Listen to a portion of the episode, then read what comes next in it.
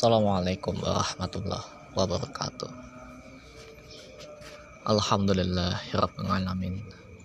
Alhamdulillahillazi anzala ala abdihil kitab walam yaj'al lahu iwaja.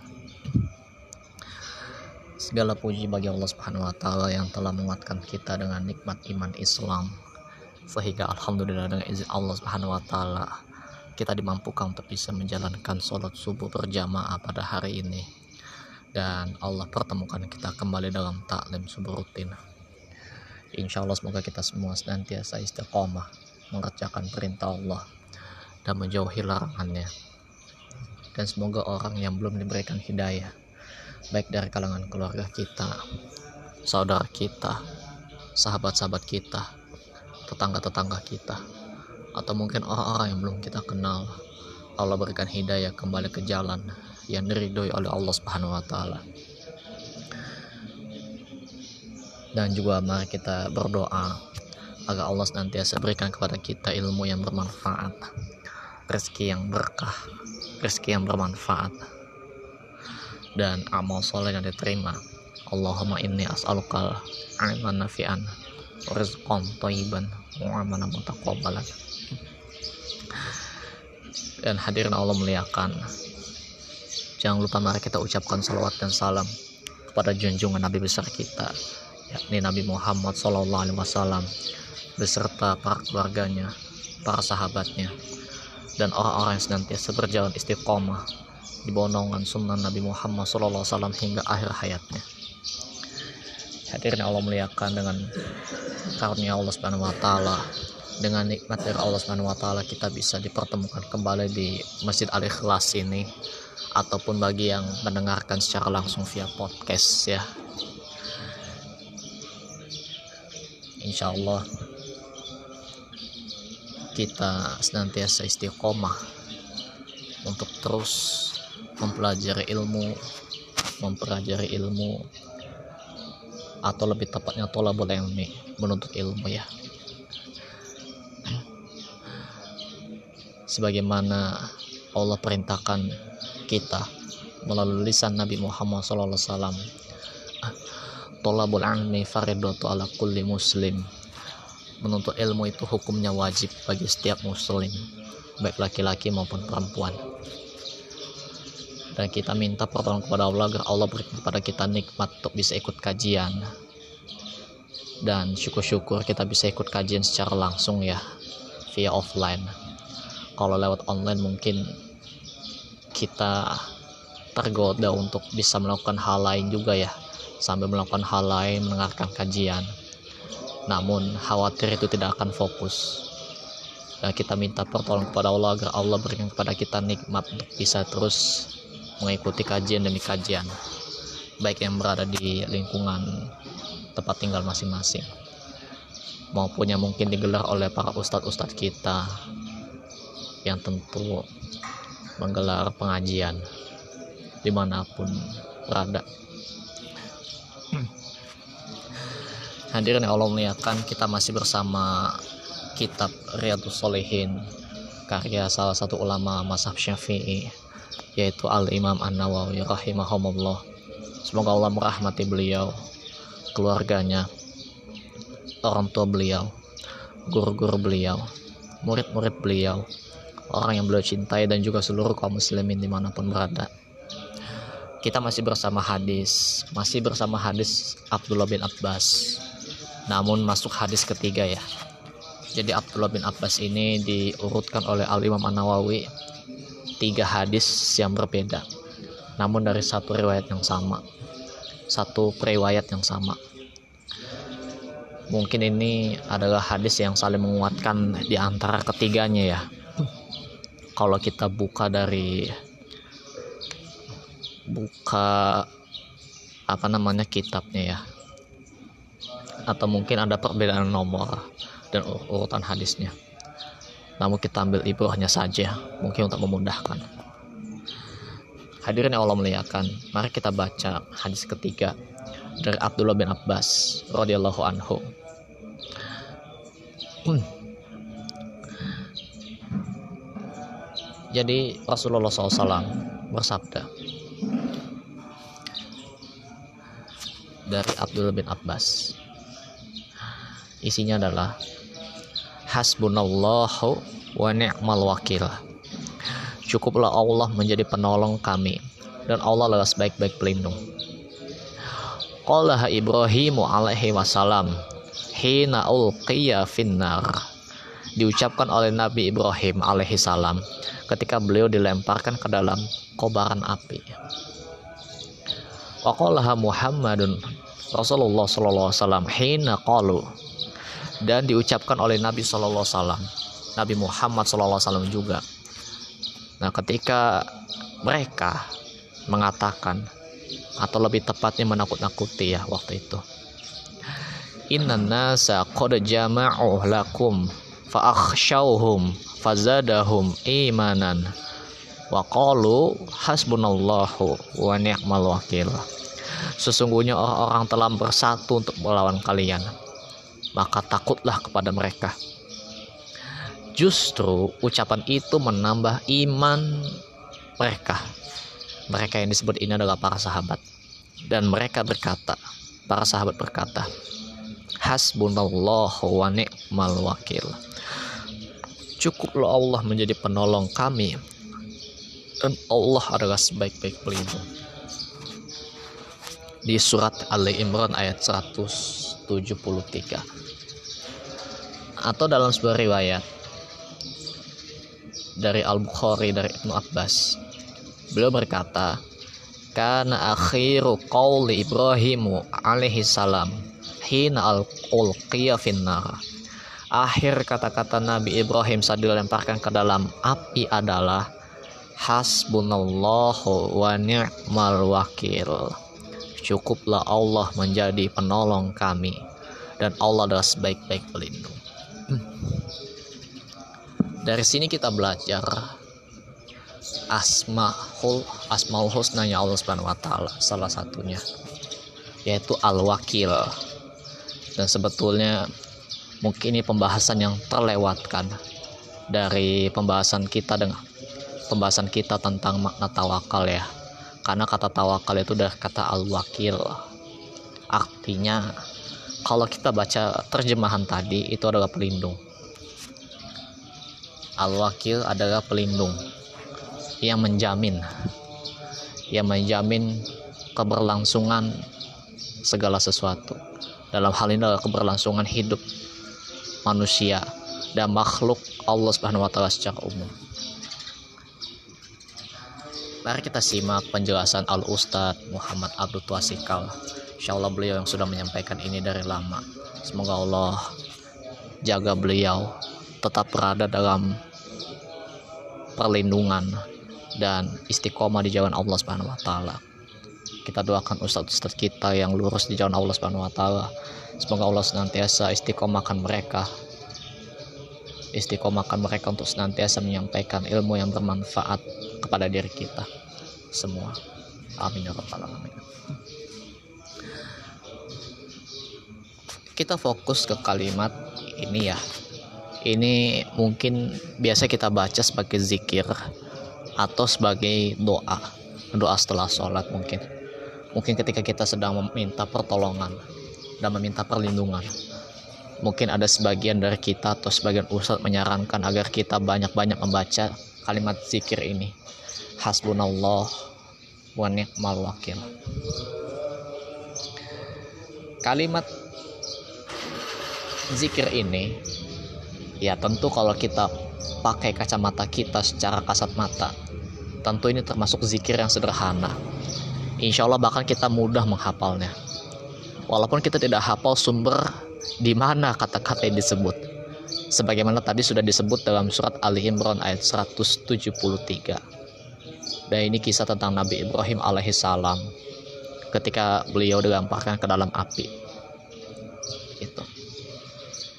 Zikir ini sederhana.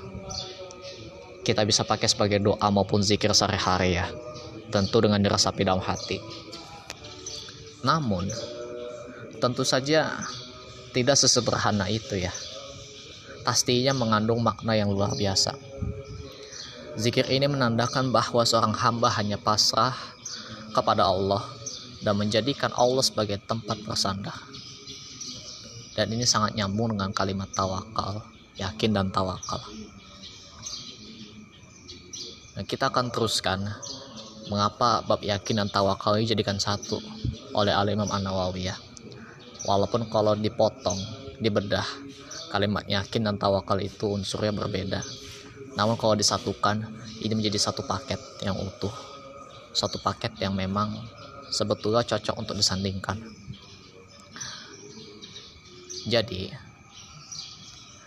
kalau kita baca secara lengkap ayat surat Ali Imran ayat 173, maka kalimat ayatnya dimulai dari kata Allazina qala lahumun nasu inna nasa qad jama'u lakum fakhshawhum fazadahum imanan.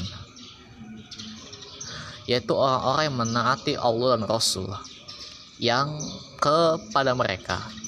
Ada orang-orang yang mengatakan Sesungguhnya manusia telah mengumpulkan pasukan untuk menyerang kamu. Karena itu takutlah kepada mereka. Maka justru perkataan itu menambah keimanan mereka. Nah, waqalu dan mereka menjawab, Hasbunallah wa ni'mal wakil. Dan mereka menjawab, cukuplah Allah menjadi penolong kami dan Allah adalah sebaik-baik pelindung. Nah, kata Abdullah bin Abbas yang tentunya meriwayatkan hadis ini, ia berkata bahwa kalimat ini adalah perkataan Nabi Ibrahim alaihi salam ketika beliau dilempar di api. Jadi sebelum dilempar ke api, Nabi Ibrahim alaihissalam membaca ini dan tentu levelnya diresapi dalam hati juga. Bukan hanya zikir kosong lewat lisan semata sih. Nah, sedangkan Nabi SAW juga mengatakan kalimat tersebut dalam ayatnya. Ayat yang sama seperti yang dibaca tadi. Jadi, poin yang bisa kita ambil dari hadis ini adalah renungkan maknanya. Kalau hanya sebatas hafalan, zikir, insya Allah jangankan kita hadirin. Orang munafik pun bisa bahkan anak-anak kecil pun kalau dilatih diulang-ulang setiap hari mungkin insya Allah tujuh hari sudah hafal. Insya Allah tujuh hari pun sudah hafal. Hasbunallah wa ni'mal wakil hasbunallah wa ni'mal wakil hasbunallah wa ni'mal wakil. Karena hanya se sependek itu kalimatnya. Namun poin di ayat ini adalah renungkan maknanya Ibnu Jauzi dalam Za'adul Masir berkata bahwa maksud hasbunallah ialah Allah yang mencukupi segala urusan mereka. Ketika kita dengar Allah mencukupi segala urusan mereka, kita teringat surat At-Tolak ayat 3 kan. Wa may tawakkal 'alallah fahuwa hasbu. Barang siapa yang bertawakal kepada Allah, Allah akan cukupkan mereka. Kalau Allah katakan Allah akan cukupkan mereka, bahasanya umum. Mau urusan rezekinya, mau urusan dengan manusianya dibereskan, mau urusan bisnisnya beres, mau urusan pekerjaannya beres, mau urusan muamalahnya beres, mau itu urusan janji utang piutangnya beres, itu semua dicukupkan, dibereskan sama Allah Subhanahu wa taala. Dan kita ingat dengan kata al-wakil yang sebetulnya harusnya kita bahas dalam materi kedua tentang bab tawakal ya, tentang yakin dan tawakal, tentang makna tawakal. Karena ini dari kata al-wakil tawakal itu. Al-wakil kata al-faro al-imam al-faro artinya orang yang mencukupi al-wakil itu adalah orang yang mencukupi. Demikian pula kata Ibnul Qasim kurang lebih sama. Sedangkan Ibnu Qutaibah berkata bahwa makna al-wakil adalah yang bertanggung jawab yang menjamin. Maka kalau kita baca tafsir demi tafsir para ulama kita bisa mengartikan dengan baik pembahasan ayat demi ayat. Kayak kata tadi surat At-Tolak ayat 3. wa may fahuwa hasbu. Barang siapa yang bertawakal kepada Allah, Allah akan menjamin urusan makhluknya selesai. Allah akan menjamin urusan makhluknya beres. Nyambung. Iya. Al-Khotobi, Al-Imam Al-Khotobi berkata bahwa Al-Wakil adalah yang bertanggung jawab memberi rezeki dan berbagai maslahat bagi hamba. Atau menolak mudarat juga. Begitu. Jadi kita belajar dari para ulama itu dalam pembahasannya. Satu sama lain saling melengkapi. Sehingga kita mudah engah insya Allah ya. Tapi tentu saja ini perlu diulang demi diulang. Supaya kita baru memahami mana yang menurut kita oh iya juga ya gitu. Dalam tafsir Al-Jalalain disebutkan makna zikir di atas ialah Allah lah yang mencukupi urusan mereka. Dalam hal ini adalah orang-orang yang beriman tentunya ya. Dan Allah lah sebaik-baik tempat bersandar dalam segala urusan. Segala urusan apa pun yang kita punya serahkanlah kepada Allah Subhanahu wa taala sampai urusan sendal putus atau sendal hilang serahkanlah kepada Allah Subhanahu wa taala. Sesimpel itu.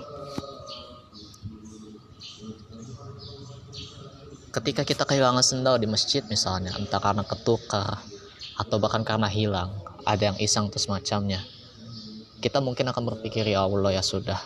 Berarti rezeki saya dengan sendal saya sudah habis. Mungkin kau akan ganti dengan sendal lebih baik yang lebih layak saya pakai. Begitu. Itu kalau yang sudah memahami bab yakin dan tawakal. Dan itu bukan tentang teori ya itu tentang keyakinan makanya. Nah makanya dalam hal ini sandarkan kepada Allah bahwa Allah jadikan hilang itu itu masih dalam urusan Allah. Tenang. Mungkin rezekimu itu adalah hak makhluk lain yang ingin Allah kasih melalui Anda. Karena rezeki itu tidak selamanya untuk disimpan. Dan rezeki itu bahkan bukan sesuatu yang disimpan. Sebagaimana mungkin sudah dibahas dalam kemarin, harta itu hakikatnya hanya tiga kata Nabi SAW. Apa yang dimakan sampai habis dalam perut, lalu apa yang dipakai sampai rusak atau hilang, dan apa yang disedekahkan jalan Allah hingga abadi di sur abadi di akhirat. Begitu. Jadi tidak ada Rasul tidak mengatakan harta itu adalah apabila yang kau simpan nanti dipakai satu tahun kemudian. Enggak. Banyak juga yang nyimpan uang di rumah, tahu-tahu hilang atau rusak dimakan tikus misalnya. Atau dicopet maling. Itu kan banyak. Rizki itu adalah apa yang kita pakai. Dan rizki itu adalah apa yang kita makan kita simpan uang 100 ribu di rumah. Nyimpan doang nggak dipakai. Itu bukan rezeki kita. Tapi kalau uang 100 ribu itu sudah kita pakai sudah kita makan jadi makanan atau jadi baju atau jadi tas atau jadi sendal maka itu rezeki kita. Jadi kita nggak nggak akan pusing untuk mikir aduh rezeki saya sedikit amat ya. Justru apa yang gak kita pakai itu itu bukan rezeki kita. Sekalipun itu disimpan dalam lemari kita. Begitu. Tapi tentunya untuk memahami ini balik lagi ke rekaman sebelumnya ya. Kita nggak bahas itu. Kita lanjutkan. Karena banyak para ulama yang menjelaskan tentang ini. Dan ini sangat dalam sekali Syekh As-Sa'di dalam kitab tafsir dalam tafsir As-Sa'di mengata memaparkan makna kalimat hasbunallah adalah Allah lah yang mencukupi urusan mereka dan ni'mal wakil adalah Allah lah sebaik-baik tempat bersandar segala urusan hamba dan yang mendatangkan maslahat hanya Allah Subhanahu wa taala saja. Pada dasarnya ketika seorang tetangga ngasih kita makanan itu aslinya Allah yang kasih kita makan melalui tetangga. Tetangga itu digerakkan hatinya oleh Allah untuk berbuat amal soleh yaitu menghadiahkan makanan ke tetangganya. Ke kita gitu maksudnya. Ketika ada seorang pembeli beli dagangan kita itu sebetulnya Allah kasih kita rizki melalui pembeli tersebut kalau Allah tidak gerakan hatinya sekalipun dia punya uang satu juta pun walaupun harga produk kita dua ribuan pun tetap nggak akan beli. Karena Allah nggak gerakan hati dia untuk ke kita. Usaha itu hanya sebuah perintah Allah tapi bukan usaha itu yang membuat dia dikasih. Usaha itu hanya sebuah syarat saja. Hanya sebuah syarat hanya sebuah SOP Allah ingin melihat sebagaimana dia yakin dengan janji Allah Subhanahu wa taala itu hanya sebuah syarat Jadi kita maksimalkan tapi tidak melampaui batas seperti yang udah dibahas-bahas dalam rekaman kemarin ya. Jangan melampaui batas. Ada aturannya, ada jam mainnya. Dan semua itu ada tempatnya masing-masing. Mau bayar utang pun usahanya maksimal tapi harus sesuai batasnya. Tetap ada batasannya. karena yang membuat utang kita lunas itu pun bukan karena usaha kita buat nyari-nyari Allah subhanahu wa ta'ala lagi kita hanya usaha nyari nyari cara entah itu caranya berdagang atau kerja untuk melunasi hutang tapi usaha atau dagang itu bukanlah yang membuat kita lunas hutangnya. Tapi karena Allah hanya sudah melihat kita melakukan cara tersebut.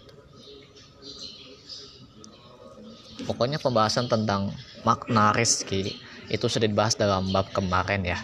Sudah dibahas dalam rekaman sebelumnya. Supaya ini bisa tidak melebar kita akan lanjut kembali masih ada banyak perkataan para ulama yang menjelaskan tentang ini Syekh Al-Imam Al-Arif rahimahumullah mengatakan bahwa dalam hadis di atas tadi adalah isyarat dari Nabi Shallallahu Alaihi Wasallam pada para sahabatnya agar mereka rujuk kembali kepada Allah Subhanahu Wa Taala, bersandar kepada Allah, sadar bahwa tidak ada daya dan kekuatan melainkan dari Allah Subhanahu Wa Taala. Kalimat hasbunallah adalah tanda bahwa hamba benar-benar butuh pada Allah dan sebetulnya itu sudah amat pasti lalu tidak ada keselamatan kecuali dari dan dengan pertolongan Allah. Tidak ada tempat berlari kecuali kepada Allah. Nah, Allah Subhanahu wa taala berfirman di surat Az-Zariyat ayat 50. Fafirwu ilallahi inna lakum min nazirun mubin. Maka segeralah kembali kepada Allah dengan menaati perintah Allah ya tentunya, bukan dalam maksiat Sesungguhnya aku seorang pemberi peringatan yang nyata dari Allah untukmu. Begitu.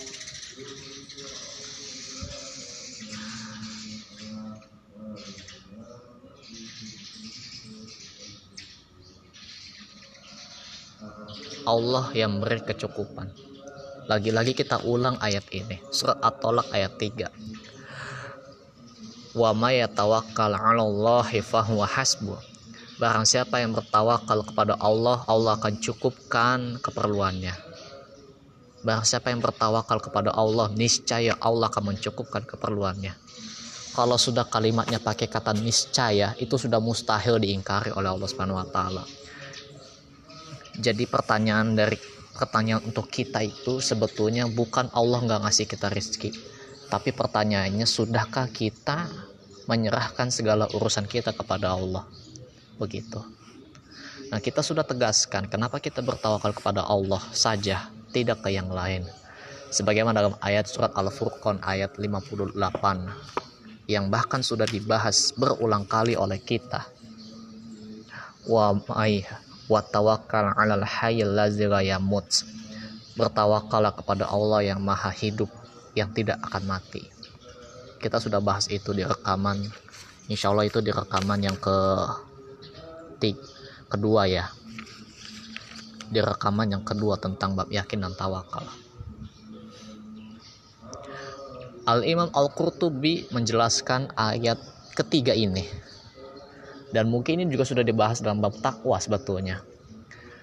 Bahwa barang siapa yang menyandarkan dirinya pada Allah, maka Allah akan memberi kecukupan pada urusannya. Jadi mana mungkin kita sudah sandarkan kepada Allah, tapi Allah tidak kasih kecukupan. Jadi pertanyaannya itu kembali ke kita. Kita ini sebenarnya menyandarkan diri kepada Allah atau ke selain Allah.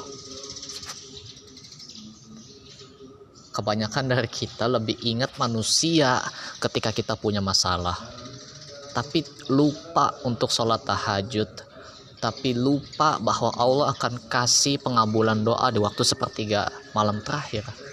Udu'uni astajib lakum mintalah kepadaku maka aku akan kabulkan itu kata Allah tapi kita lebih ingat manusia lagi manusia lagi manusia lagi kita punya utang sama orang. Tiba-tiba nyari orang lagi buat ngasih pinjaman ke kita.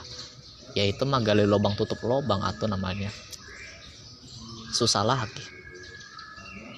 Kita bayar utang tapi kita minjem ke orang lain lagi buat ngasih uang ke kita. Akhirnya bayar utang selesai satu yang satunya belum selesai. Utang juga judulnya. Gali lubang tutup lubang lagi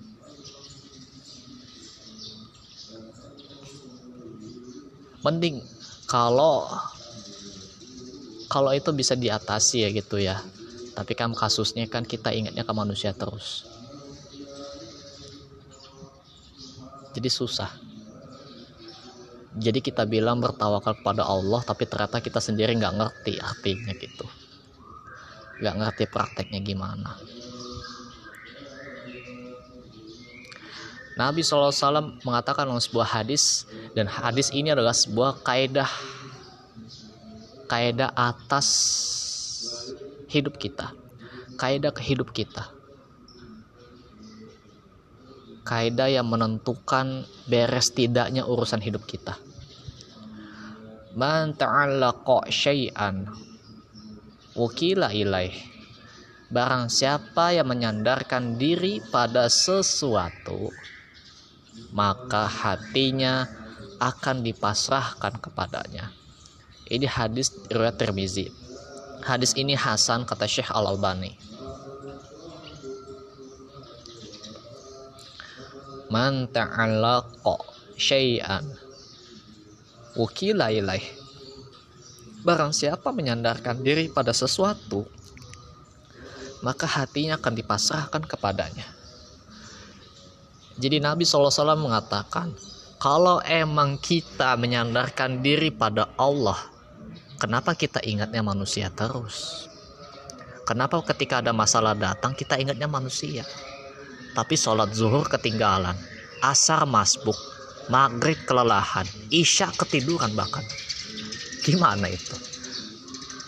Ya kita mah yakin ya Allah yang ngasih kita rizki, Allah yang ngasih pertolong kepada kita.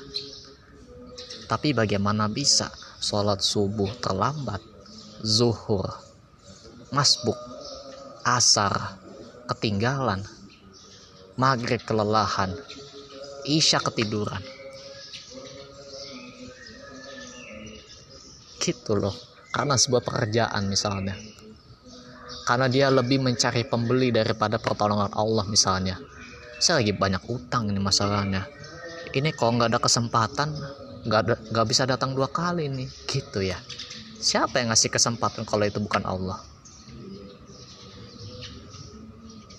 Begitu ya. Karena itu sejatinya dia bukan menyandarkan diri kepada Allah tapi dia menyandarkan ke pelanggannya menyandarkan kepada momentum hidupnya menyandarkan kepada analisa otaknya menyandarkan diri ke pengalamannya menyandarkan diri ke akalnya menyandarkan diri pada kecerdasannya menyandarkan diri kepada hitungannya dan menyandarkan diri kepada selain Allah itu judulnya. Kalau sudah kayak gitu itu bukan tawakal kepada Allah. Bukan menyandarkan diri kepada Allah namanya. Dan Ibnu Aun sudah menjelaskan dan mungkin kita belum mendengar ini ya zikrun nasida ingat manusia itu penyakit. Penyakit. Ingat manusia itu penyakit. Ingat manusia itu penyakit.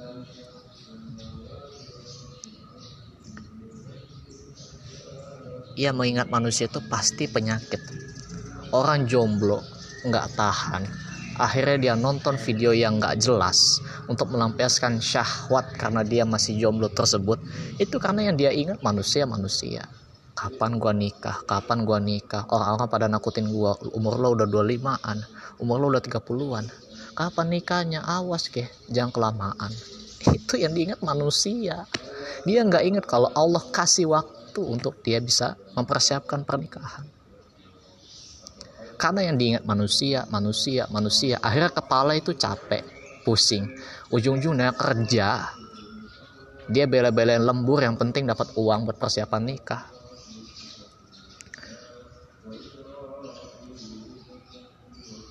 Akhirnya dia nggak ikut pengajian. Setiap ditanya kapan nggak ikut pengajian kenapa? Lagi sibuk lagi sibuk lagi sibuk. Setelah nikah pun sibuk juga lagi. Ya udah gue lagi sibuk gue lagi sibuk nafkain istri gue udah punya anak satu ih gue makin susah punya banyak urusan anak udah satu lagi. Gitu ya. Belum beli ini segala macem. Jadi banyak alasan. Ingat manusia itu penyakit. Hati yang kena sakit maka kita akan susah lagi mendapat ilmu dari Allah.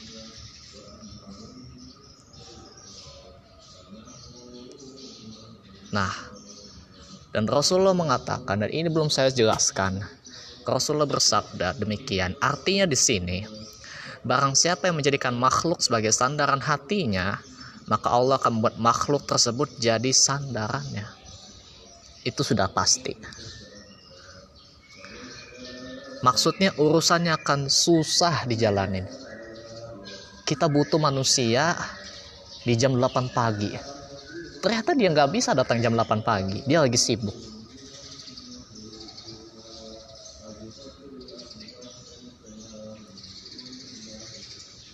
Pak saya mau menemui Bapak ya agar saya saya mau ada keperluan gitu. Oh nggak bisa Pak. Bisanya jam berapa? Nanti habis zuhur insya Allah jam 1 bela-belain jam 1 didatengin. Bahkan sampai jam setengah satu pun udah di ngetem. Tiba-tiba jam 1 udah tiba didatengin gak ada orangnya. Oh maaf pak. Ternyata ada urusan mendadak. Insya Allah besok lagi bisa. Besok lagi datang lagi. Oh iya pak maaf lupa saya. Hari ini lagi libur. Kadang begitu manusia mak. Manusia tuh bisa lupa. Jadi kita mengira itu manusia itu absolut gitu. Pasti bisa dipenuhi kebutuhannya. Padahal enggak.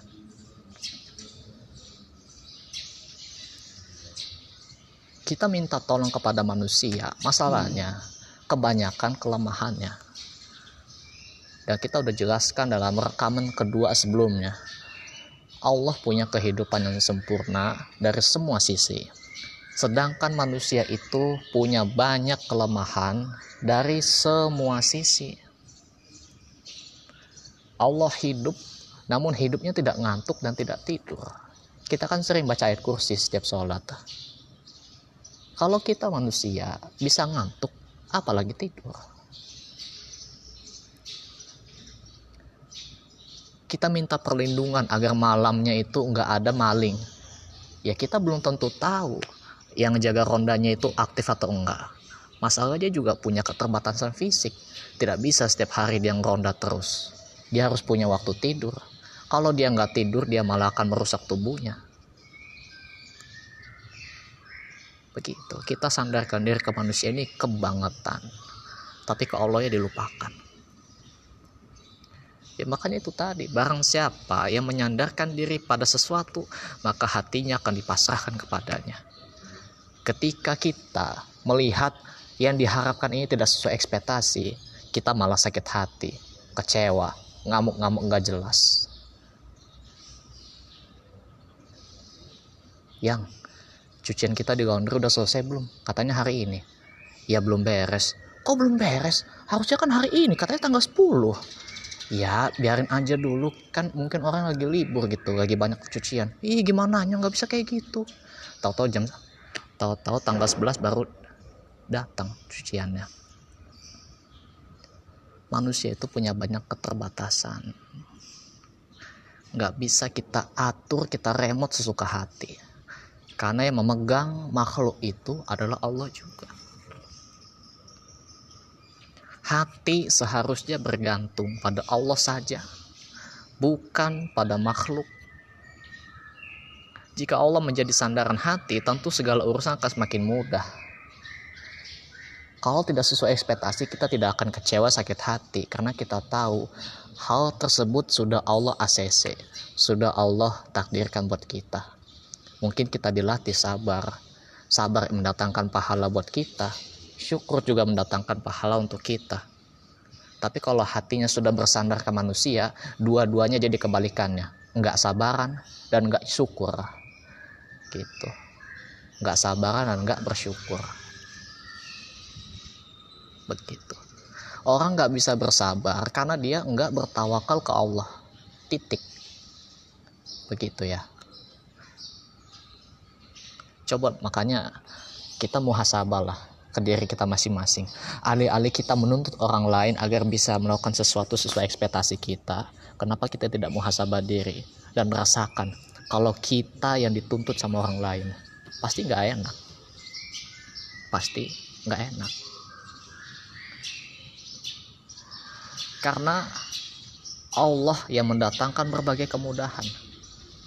Dan segala sesuatu akan menjadi mudah jika semua itu dikehendaki oleh Allah Subhanahu wa taala.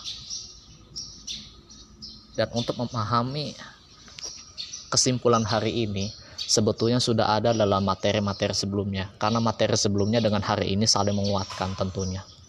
Nah, ini salah satu karunia yang Allah berikan kepada Al-Imam An-Nawawi bisa menyusun kompetensi ilmu dan hadis sesimpel ini. Ternyata jadi nyambung kita memahaminya. Tapi tentu dengan pertolongan Allah Subhanahu wa taala kembali. Oke, itu yang bisa disampaikan kurang lebih mohon maaf. Dan tentu untuk bisa memahami ini silakan belajar juga lewat ustadz lain yang menyampaikan kitab beradu solihin ya dengan lebih baik tentunya daripada yang berbicara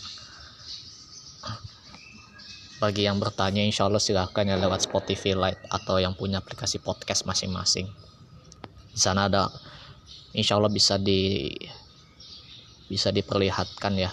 Bukan diperlihatkan apa namanya bisa bertanya.